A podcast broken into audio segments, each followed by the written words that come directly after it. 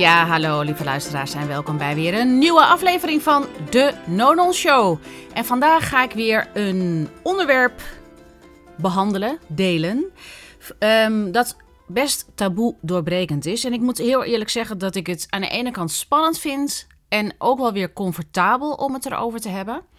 Maar ik ben er klaar voor om een ervaring te delen met de buitenwereld waar ik me heel, heel, heel lang voor heb geschaamd. En dat is dat ik uh, met mijn eerste vriend zat ik op een gegeven moment in een dynamiek waarin er emotioneel en fysiek misbruik plaatsvond. En ik noem het misbruik, mishandeling, want dat is hoe we het noemen. En ik wil jullie hierin meenemen omdat ik van de week hoorde van twee stellen. Twee Nederlandse middenklasse of zelfs hoge middenklasse stellen hierin zitten. En tussen een man en een vrouw. En ik had zoiets van: Weet je wat? Ik weet niet of het helpt. Maar ik weet wel dat als ik, zoals zoveel vrouwen en mannen overigens ook die misbruik, fysiek, seksueel of emotioneel misbruik ervaren, is het van belang dat we erover praten. Dat we hier een openlijk gesprek over voeren, zonder dat we meteen in de modus gaan van ik ben het slachtoffer. Hij is de daar, in dit geval is het hij. Vrouwen kunnen ook mishandelen hoor. Het is niet zo dat ze alleen maar mannen kunnen mishandelen. Um, maar ik wil wel toelichten wat er gebeurt bij een man en wat er gebeurt bij een vrouw. Um, nou ja, en ik wil gewoon mijn eigen ervaring daarin delen. En ik doe dat met het oog op, als ik daar open over ben, dan weet ik zeker, en dat is al gisteren gebeurd op Instagram, toen deelde ik het um, in een story. En toen kreeg ik al reacties van vrouwen die zeiden herkenbaar. Dit is voor mij herkenbaar. Sommigen zeggen ja, ik heb ook emotionele, emotioneel misbruik of mishandeling of dynamiek ervaren. En het is belangrijk, vind ik, als maatschappij, maar ook gewoon, nou ja, als community, maatschappij, dat wij het hierover hebben, zonder dat we meteen stappen in. Ik ben slachtoffer, hij is dader. Uh, de dader moet opgesloten worden, de ballen ervan afgehakt. Weet ik allemaal wat voor een woede we daarop kunnen hebben. Ik denk dat, is een, dat het eens tijd wordt. En ik denk dat ik um, daar een stem van kan zijn, omdat ik op mijn 21ste deze dynamiek heb meegemaakt. En ik heb hier jaren. Dit is nu 25 jaar geleden. In oktober, november inderdaad, is het nu 25 jaar geleden. En ik voel me comfortabel genoeg om eigenlijk het hele plaatje te beschrijven. En ik ben natuurlijk niet een man. Maar wat ik zie als vrouw, wat er bij een man gebeurt als ze overgaan op emotioneel en op fysiek misbruik. Ik heb het niet over seksueel misbruik, heb ik zelf niet meegemaakt. Um, dus ik kan daar ook niet over praten. Ik kan alleen maar over mijn eigen ervaring praten. En wat ik zie, wat er op dit moment aan de hand is. En dat is natuurlijk die hele MeToo-beweging een aantal jaren geleden, die nu ook in Nederland plaatsvindt. En op een soort collectieve energie of collectief is het aan de hand dat wij ja, hier open gesprekken over voeren. En dat is waar het mij over gaat. Het gaat mij niet over mensen veroordelen. Want dan gaan we niet naar de oorzaken toe. Um, en ik denk dat het belangrijk is dat we gaan inzien dat mannen, jongens, um, dat wij zowel als vrouw als man, de cultuur, de, westelijk, hè, de westerse cultuur, dat die voor beide partijen, zowel de mannen als de vrouwen, geen goed doet. Nou, um, toen ik 18 was, toen ben ik naar Mallorca gegaan. En ik ben nu 46. En toen ging ik daarheen met mijn opvoeding, met hoe ik toen was. En ik wilde weg van Nederland. Ik wilde weg van Doetinchem. Uh, ja, dat stelde niet zo heel veel voor op dat moment. En ik wilde me echt mijn vleugels uitslaan. En ik voelde gewoon een soort van benauwd gevoel. En daarom ben ik naar Spanje vertrokken. En misschien ook wel ergens om mijn roots te ontdekken, maar dat was misschien onbewust. Ik had eigenlijk zoiets van: ik heb hier gewoon genoeg van. Ik wilde er gewoon een tijdje weg en mijn vleugels uitslaan. Nou, je moet je voorstellen, het is een situatie. Het is, ja, het is het jaar 1994 en in 1994 was er geen internet. Um, als je wilde bellen naar het buitenland, dan uh, ging je naar zo'n um, telefoonhokje. Of gewoon een telefooncel, maar je had ook van die telefoons. En dan ging je bellen met je familie. Dus het was niet gewoon om een mobieltje te hebben. Het was niet gewoon om internet te hebben. En met veel bravoer en moed, zoals ik in mijn natuurlijkheid heb, ging ik naar Mallorca. Met het idee, ik ga daar twee maanden zitten. Ik ga in de dus een enorm ontwikkelde toeristische sector. Daar ga ik dan gewoon zitten. Ik kon in het appartement van mijn ouders uh, wonen. Die had mijn opa ooit aangekocht. Want mijn opa die investeerde in allerlei huizen. Daar kocht hij ze, dan verkocht hij ze. En mijn moeder had dat, dat huis georven. Of dat appartement.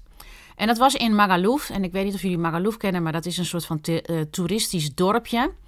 En um, toen had je nog misschien een bakker en een supermarkt. En voor de rest was het alleen maar cafés en restaurants. En alleen maar vertierd. Soort Disney World. Maar dan voor um, uitgaan. Ook toen was het allemaal net even iets minder heftig dan hoe het later is gegaan met drugs, seks en alcohol en noem het dan maar op. Het was er allemaal, maar het was net even ietsje minder heftig. Nou, ik, ik schets het plaatje dat je een beetje weet in welke tijdsgeest ik woonde, waar ik terecht kwam. En ik had allerlei brieven gestuurd naar allerlei hotels. Ik had allemaal adressen. Toen heb ik 40 brieven de deur uit gedaan. En toen kreeg ik een telefoontje uh, ergens in juni. Heel veel brieven kwamen terug. Maar er was ook een telefoontje van een hotel en die zei: Ja, we hebben jouw brief ontvangen. En uh, nou, jij spreekt deze talen, zeg je. We willen heel graag een gesprek met je. En uh, we denken wel dat jij als hulpreceptioniste bij ons in het hotel kan werken. Nou, zo gezegd, zo gedaan. Dus uh, mevrouw, ik ga naar Mallorca toe, naar Magaluf. Maar echt ook met ik neem alleen maar kleding mee, een aantal woordenboeken en ik ga. En ik weet wel, ik weet niet wanneer ik terugkom, maar het is gewoon even voor. Nou ja, ik had het gevoel van goed. had een beetje beschepen, verbrand. Dat idee zo van, ik ben hier helemaal klaar mee, doei.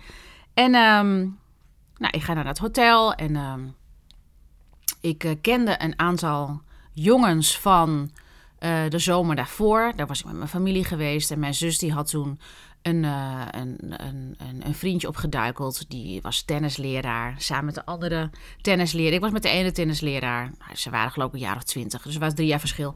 En ik met de andere tennisleraar. Nou, en we hadden daar... ik had goed contact met een van de jongens. Dus die haalde mij op. Dat was dus het, het vriendje van mijn zus, het, het zomervriendje. Het, uh, ja, vakantieliefde, zomervriendje. Die hebben acht jaar, geloof ik, hebben zij elke zomer wat gehad. Maar als het zusje dan in Nederland was, dan was er niks. Nou, oké. Dus ik ging ieder zo zijn eigen weg. Nou, dit is dus echt gewoon... Ik was 18, geen idee van het leven. En ik was bezig met Spaans leren, maar ik voelde me echt ook een beetje dat ik denk... Oké, ik ben half Spaans, half Nederlands, maar dit is wel heel wat anders om gewoon de hele dag in Spanje te zitten met allerlei andere uh, ja, gebruiksaanwijzing, cultuur, ik, moest, ik was heel veel aan het leren van hoe werkt het hier? Hoe, wat is de gebruiksaanwijzing? Hoe drukken mensen zich uit? Wat bedoelen ze daarmee? Alles is anders. Het eten is anders. De regels zijn anders. Uh, de, de, het, het eten is anders. Maar ook gewoon hoe mensen met elkaar omgaan. Nou ja, dus ik was bezig met dat allemaal te leren. En een vriend van uh, het vriendje van mijn zusje, die, die hadden dus een soort een grote groep jongens. En een van die vrienden, dat, was, dat werd mijn, uh, dat werd mijn ehm, vriend. Een emotioneel niet beschikbare man. Ik ga het er een beetje bij zetten als therapie. Want toen was het alleen maar: oh wauw, wat een geweldige man, wat een geweldige jongen. Ik geloof dat we vier jaar verschilden. Maar hij heeft mij heel veel geholpen met daar een beetje de boel op gang te krijgen. Hij heeft er toen samen met mij een brommer gekocht. Hij was automonteur en hij kon heel goed. Nou, hij wist allemaal van die dingen. Dus hij heeft me heel vaak geholpen met dingen. En hij liet me het eiland zien. Nou, en van het een we hebben negen maanden waren we hele goede vrienden. En ik was eigenlijk meteen verliefd. En dan zeg ik tussen aanhalingstekens verliefd. Want wat ik ook heb ontdekt laatst, dus ik heb een boek gelezen, dat heet Attached. Dat is een boek ehm, dat gaat over je hechtingstijlen. Hoe jij bent gehecht met je ouders en dat je dat reproduceert met je relaties. En er zijn drie verschillende hechtingstijlen, grofweg. Volgens die methodiek, volgens die onderzoeken die ze hebben gedaan. Het is gewoon psychologisch onderzoek. En ze hebben gezegd: Je hebt een, ofwel een zeker of een veilige hechtingsstijl. Je hebt een anxious hechtingsstijl. Ik weet even niet wat anxious in het uh, Nederlands is, want ik ben gefocust met mijn verhaal. En je hebt een avoidant, dus vermijdende hechtingsstijl. Nou, ik ben iemand die is opgegroeid met een vermijdende hechtingsstijl. En um, om wat voor reden ook, mijn opvoeding, hoe mijn vader misschien was. En dat is allemaal niet ten nadele van de omgeving. Dit is gewoon hoe het gebeurt.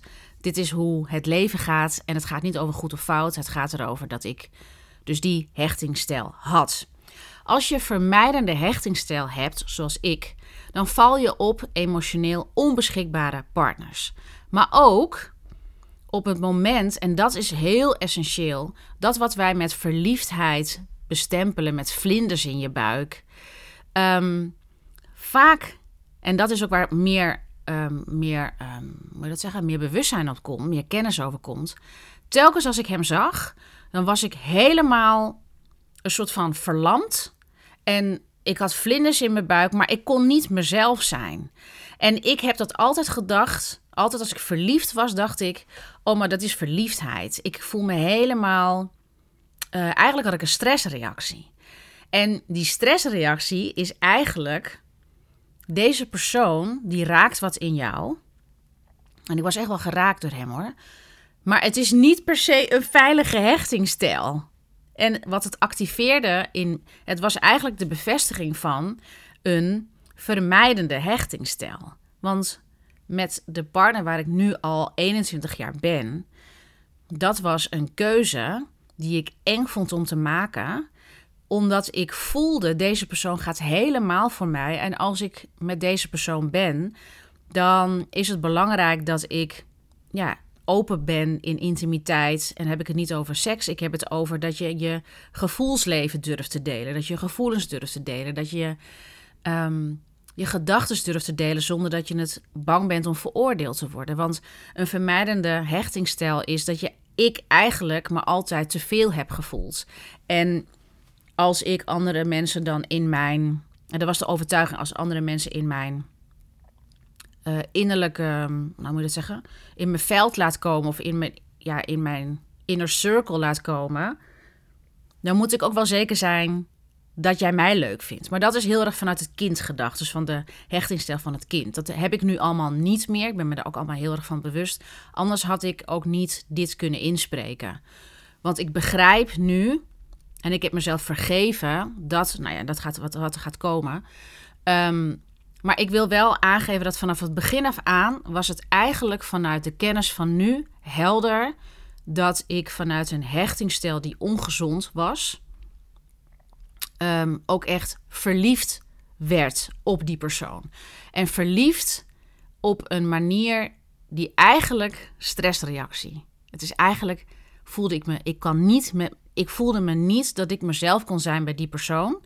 Maar omdat ik dat ergens gewend was, en ik overtuigd was dat dit is hoe het is, dit is verliefdheid en dit is hoe het klopt, en dat ik mezelf dus niet laat zien, dat allemaal erbij. Ik dacht, dit is oké, dit klopt. als je verliefd bent, heb je vlinders in je, in je buik en je voelt je toch een beetje ongemakkelijk en je wil je, je wil, ja, dat, ehm, je wil de ander behagen of je wil dat hij, jou behaagt of, nou ja, eh, maar dit is allemaal ongezond. Dit is allemaal, ik zie nu in dat het eigenlijk is dat mijn zenuwstelsel al zei: dit klopt niet. Dit is niet oké. Want bij mijn huidige partner had ik dat helemaal niet. En daarom dacht ik ook, hè? Maar als ik met hem ben, dan voel ik me helemaal rustig en dan voel ik me helemaal mezelf en ik mag helemaal mezelf zijn. Dus dit is niet verliefdheid. Maar ik wilde wel het met hem zijn. En we hebben uren, ik weet nog wel, uren aan de telefoon gezeten.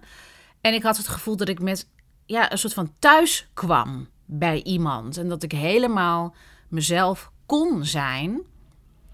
En dat, mensen, dat is een gezonde manier van met iemand een verbinding aangaan. Dat dat je helemaal hotel de botel bent en dat je niet jezelf durft te zijn, dat je zenuwachtig bent, dat is een stressreactie. Dat is vanuit ongezonde hechting dat je, aan, dat je met iemand aanwezig bent. Nou, Oké, dit is nog even iets wat ik ook wilde delen. Maar goed, dat was allemaal aan de hand. En wij waren twee mensen met verschillende achtergronden, met een verschillende opvoeding, met een verschillende kijk op dingen, met een verschillende ontwikkeling. En ik had dus geen, ik had in die tijd heel weinig steun, omdat ik dus ver, gewoon, ik, ik leefde echt letterlijk 2000 kilometer van mijn ouders. Ik voelde me ook heel vaak echt onzeker. Ik had denk ik ook echt gewoon een soort minderwaardigheidscomplex. Dat had ik al en het werd eigenlijk alleen maar bevestigd. Ik voelde me niet goed genoeg. Ik dacht altijd, ik ben niet goed genoeg. Want ik kan niet goed genoeg Spaans. Ik kan niet goed... Ik kan, je voelt je in de minderheid. En ik denk dat iedereen die ooit wel in een andere cultuur is geweest... en dat je daar hebt gewoond... dat je je een beetje uit het lood geslagen voelt...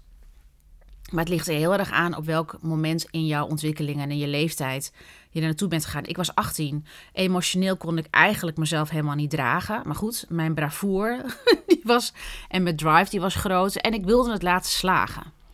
Nou, heb ik daar ehm, toerisme gestudeerd. Ik heb daar in de toeristische sector gewerkt. En dus ik had gewoon een dagelijks leven. Alleen ik voelde gewoon geen aansluiting. Um, ik denk dat de ervaring achteraf, het heeft me heel veel gebracht. Maar achteraf op dat moment was het um, heel eenzaam. Ja, en het ontbrak mij aan steun. Het ontbrak mij echt aan een soort van validatie van buitenaf. Daar waar in Nederland ga je dan op kamers en heb je medestudenten en deel je die ervaring, was het daar dat ik dat helemaal niet kon delen. En zoals ik ingesteld was of mijn mechanismes, mijn defensiemechanismes van overleven tussen aanhalingstekens is, we gaan het gewoon laten slagen. Ik ga er gewoon alles aan doen dat ik hier gelukkig ben en dat het oké is. Ik woon toch in een prachtig appartement en ik had op een gegeven moment een auto. Ik had een rijbewijs gehad, ik had een autootje, zo'n Renault 4, dus dat maar niet heel erg. Een Renault 4, ik had een vriend. Um, ik was toch onder de pannen, dacht ik. Maar ondertussen voelde ik me leger en leger en leger. En ik weet nog, toen hadden we acht maanden, uh, was ik samen met deze jongen. Ik weet nog dat ik in de auto zat. En ik dacht, en ik heb het ook tegen hem gezegd. En er was nog helemaal geen sprake van emotioneel misbruik of fysiek misbruik. Um, maar ik zei: Je gaat me toch niet slaan als je boos bent, hè? En het interessante is dat je dus ergens al, ergens voelde ik al, deze jongen is niet helemaal gelukkig. Maar ik zie hem en ik hoor hem en ik ga hem niet redden, maar als hij nou maar bij mij is, dan wordt hij gelukkig. Dat was een beetje de instelling. Ik had een soort van redderscomplex. En ehm, ik hoor jou, ik zie jou, ik zie jouw frustraties en ik ga jou helpen. Maar dat helpt niet als iemand anders dat niet wil erkennen of de problematiek is dermate groot. Dat kan je niet als normaal mens. Daar, heb je, daar ben je gewoon, heb je professionele skills voor nodig. En dan moet iemand gewoon naar een therapeut of een therapeutische coach of een coach. Iemand die dat doet. Nog even tussen aanhalingstekens. Ik heb ook vandaag trouwens in de bio heb ik aangegeven dat ik therapeutische coach ben. Omdat ze zeggen bij coaching gaat het niet over gevoelens en emoties en dat navigeren en de blokkades. Het gaat echt alleen maar over dat een coach jou helpt om jouw doelen te halen. Nou, ik geloof niet dat dat voldoende is. Vandaar dat ik maar heb gezegd therapeutische coach. Ook omdat ik de therapeutische onderlegging of fundament heb. Maar ik het heel belangrijk vind om mensen dus die inzichten, dat ze die inzichten en dat bewustzijn ervaren. Maar dat ze ook dus echt die acties gaan zetten. Oké. Dus wat gebeurt er? Ik raak steeds eigenlijk vervreemden van mezelf in mijn innerlijk proces. En ja, ik merk, ik heb dus, ik ben met iemand die, en ook ik in mezelf, hè. Dus in mezelf vond ik het lastig om intimiteit te ontvangen. Dus ik vond het wel prettig als hij me geen hand gaf. Ik vond het wel prettig dat onze relatie, die was geheim voor zijn familie. Hij wilde namelijk niet dat de familie dat wist. En dat hoort allemaal bij ook een vermijdende hechtingstijl. Zo van, nou ja, weet je, we zijn ieder autonoom. Maar ik ga niet erkennen dat jij mijn vriendin bent. Wel naar jou toe en zijn vrienden wisten dat allemaal. Maar hij wilde niet. Hij wilde die kwetsbaarheid niet laten zien, denk ik. Dit vul ik, voor, dit vul ik nu voor hem in. Maar dit is even mijn eigen eh, mijn eigen invulling. Dus aan de buitenkant. En ik vond dat wel prettig, want ik vond het aan de ene kant prettig, maar aan de andere kant was er een deel van mij die vond het helemaal niet prettig. Um, maar ja, ik weet niet. Het was op dat moment door die hechtingstijl is het fijn dat iemand niet helemaal voor je gaat. Want dan hoef je er niet helemaal voor. Ja, dan hoef je dus niet helemaal voor te gaan. hoef je niet helemaal open te stellen. Maar ik wist, ik voelde me eigenlijk, eigenlijk al onbewust onveilig. Want ik wist, het is hier niet welkom. Um, dat dat wat ik wil, dat wat ik echt ervaar.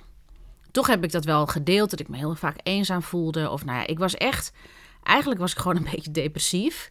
Want ik heb een. Ik wilde iets laten slagen. En dat was het verblijf daar in Spanje.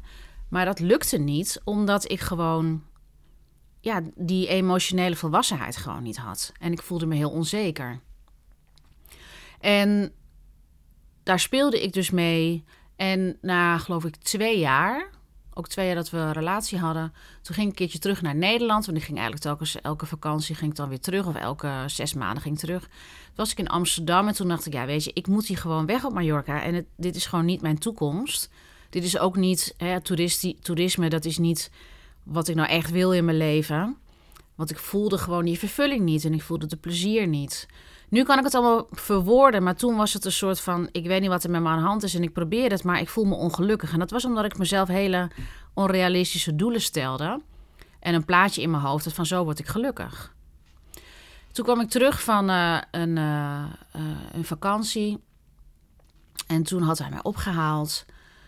En ik weet nog dat ik toen zei: Ja, ik wil eigenlijk gewoon weer terug naar Nederland.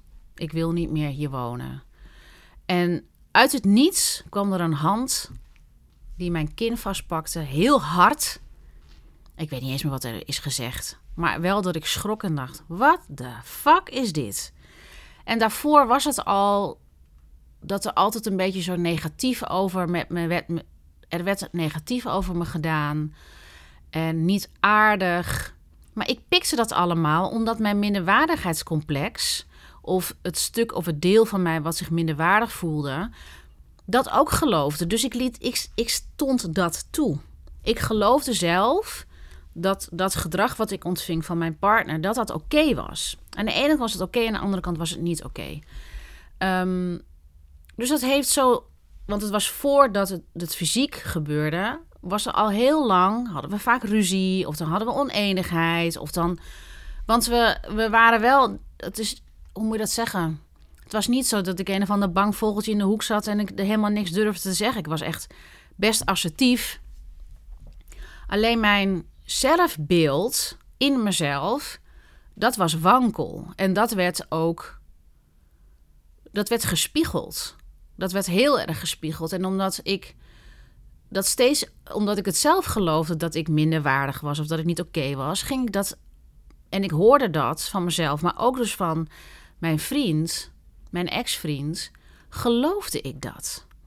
En dat was de lijm en de verwikkeling die ervoor zorgde dat ik in die relatie bleef. Op het moment dat het fysiek werd, toen begon het naarder te worden. En toen was het eigenlijk, toen werd het te knippenlicht. Dus dit is januari geweest en in oktober ben ik vertrokken weer terug naar Nederland of in, in uh, november. En van januari tot en met juni waren er een aantal incidenten. En het werd steeds erger, de fysieke ehm, ja, agressie. En het was eigenlijk telkens vanuit het niets kwam er een soort van of een klap of een, een, een hoe moet je dat zeggen? Het was niet zo van, en nou ga ik je in elkaar slaan. Um, het was een soort van, uit het niets kwam er een klap.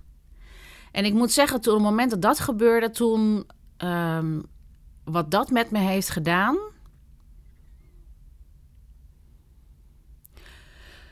Ik kan het gevoel nauwelijks omschrijven. Ik kan het nauwelijks omschrijven, maar het is alsof je verkrummeld wordt. alsof er iets van binnen doodgaat. Dat is wat, wat ik heb ervaren. En je bent, ja, ik raakte, soort, je raak, ik raakte verlamd. Het is een soort van in een verlamming aan mezelf nog laten zien: ik kan het wel en ik, en ik kan dit aan. Ehm, maar aan de, achterkant van wat, dat wat je zelf zegt, dat is een soort van, stel je voor dat je een laag om je heen hebt die zegt, nou, ik kan het aan, ik ben een sterk iemand. En achter die laag stort je eigenlijk in.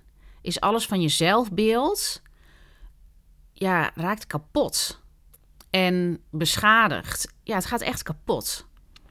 En um, nou ja, toen zouden we ook een keertje zo gaan praten.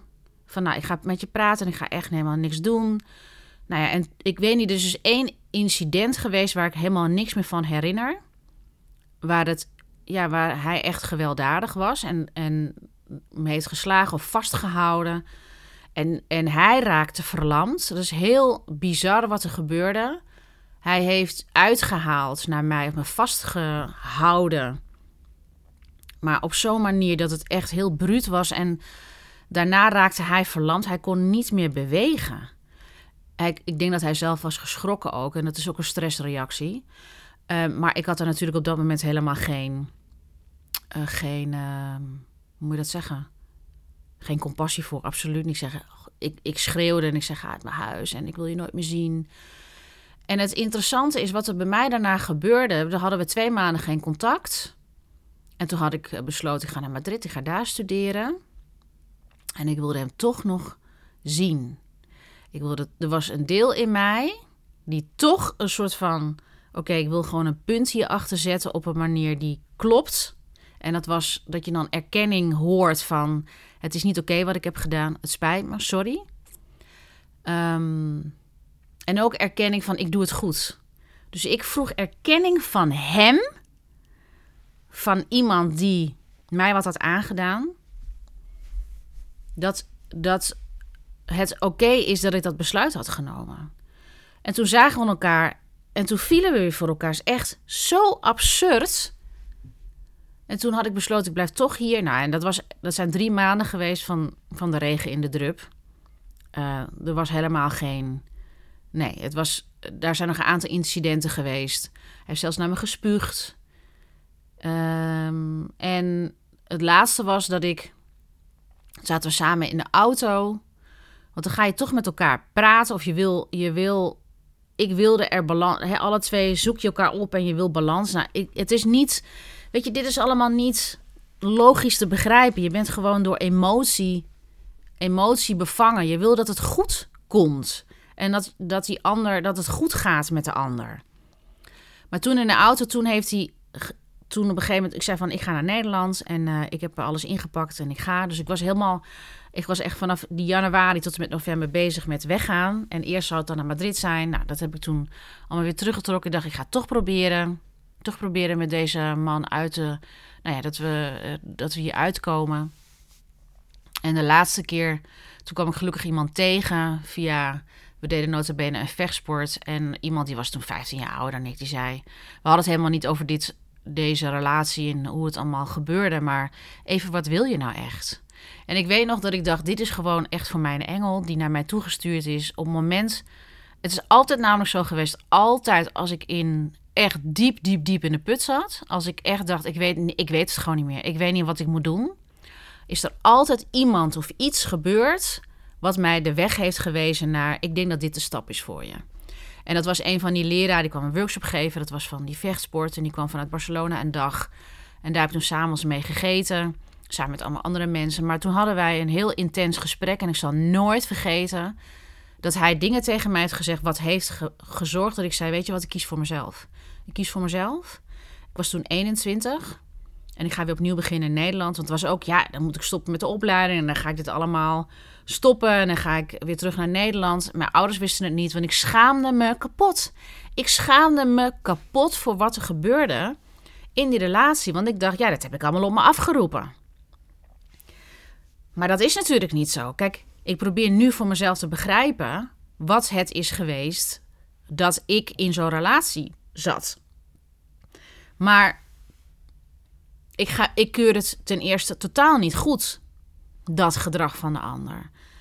En het is een, het is een onvolwassen manier van omgaan met je eigen ongemakkelijke gevoelens. Van niet gezien en, gevoel, niet gezien en gehoord worden. En dat zit zo diep in mensen. En vooral in mannen zit dat zo fucking diep. En het wordt tijd dat wij eens gaan kijken. Ik ga zo het verhaal afmaken. Maar ik, ik denk dat het echt zo essentieel en zo belangrijk is dat wij gaan kijken als maatschappij, als omgeving, dat mannen die in zo'n situatie zitten, dat we dat gedrag absoluut niet goedkeuren, maar dat we wel zeggen, weet je wat? Je hebt geen het is niet oké wat je doet, maar je hebt hulp nodig. De mannen die gewelddadig zijn, de mannen die emotioneel en sowieso de vrouwen ook. Alleen er is minder taboe op vrouwen die aan emotionele. Nou ja, misschien, ik weet niet of het trouwens geen taboe is. Maar wat het hele ding is, is dat mannen die zich bedreigd voelen, of die zich kwetsbaar voelen, of die zich ehm, ongemakkelijk voelen, gefrustreerd voelen, um, emoties ervaren die ze niet kunnen handelen, omdat het ze gewoon niet geleerd is. En er zijn heel veel mannen die getraumatiseerd zijn omdat ze bijvoorbeeld geen aanwezige vader hebben gehad. Of een vader of een moeder die hun ook emotioneel heeft misbruikt. Of um, uh, um, fysiek. En, en dat begint bij je niet gezien en gehoord voelen als kind.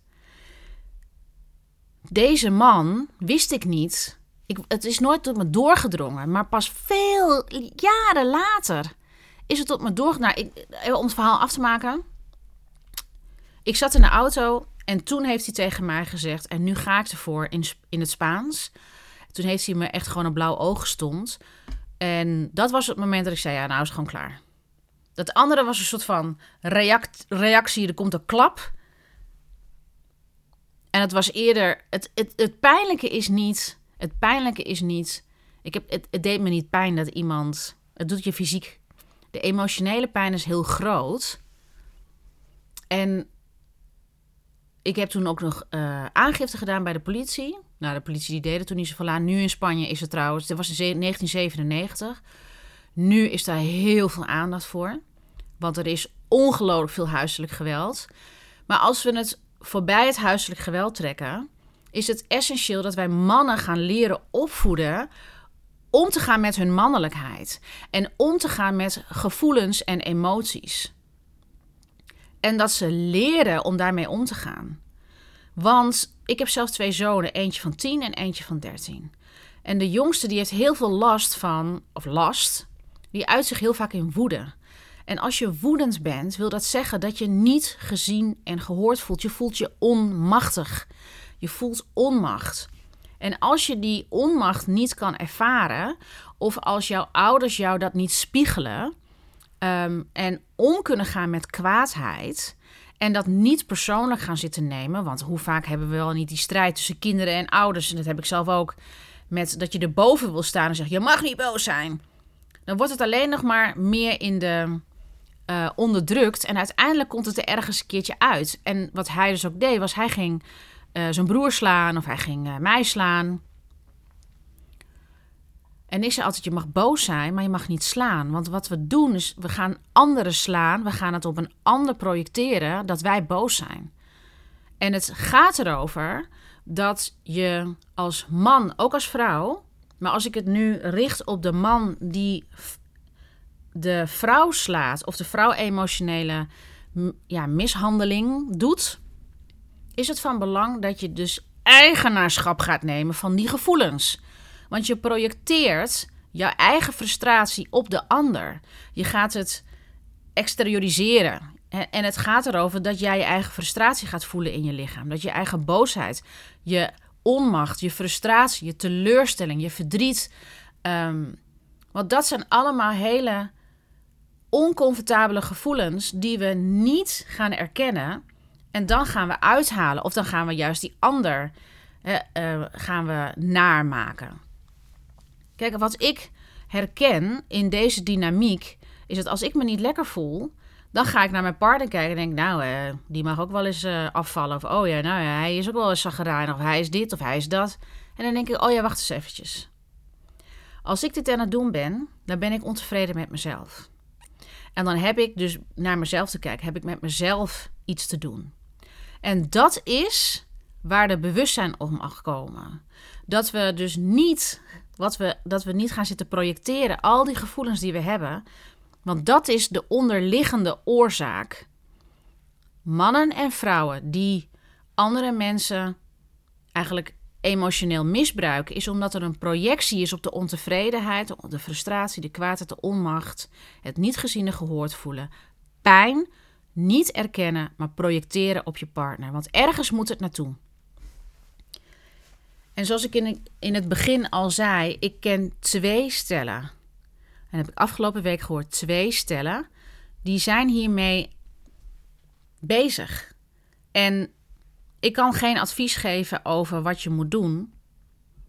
Maar het, het, het enige advies wat ik kan geven is dat je open bent met je omgeving. En dat je zegt: dit is wat er nu gebeurt. En dat je professionele hulp zoekt. Ook al zegt de man: ik wil dit niet. Want dat is een standaard plaatje. De man die zegt: nee, ik wil dit niet. Ik kan het wel alleen. Want het is heel lastig als je opgevoed bent met ik moet dit kunnen. Ik, moet, ik ben de rots in de branding. Ik moet mijn gezin kunnen onderhouden. Ik moet gewoon mezelf kunnen, rechtop kunnen houden. Alleen wat er gebeurt is als jij in zo'n situatie zit dat jij, nou ja, eigenlijk alles gaat zitten projecteren op de ander, dan is er een heel wankel fundament in jezelf. En dan kan jij je eigen emoties en gevoelens niet dragen. En dan ga je dat dus zitten botvieren op andere mensen. En dan is de frustratie waar het, in, waar het in jou over gaat, wat niet lekker gaat of volgens verwachting, ga je ook nog eens je relatie kapot maken. Want emotioneel en fysiek misbruik, je creëert een onveilige situatie en het vertrouwen gaat weg. En hoe langer deze situatie doorgaat, hoe minder vertrouwen, hoe minder veiligheid en de relatie gaat verbreken omdat er geen fundament is om samen in contact te zijn met elkaar. Ehm, in liefde, vertrouwen, respect en, en oprechte communicatie. Dus dan is het belangrijk dat je een relatietherapeut gaat zoeken. En dat je samen hulp en begeleiding daarbij gaat vinden.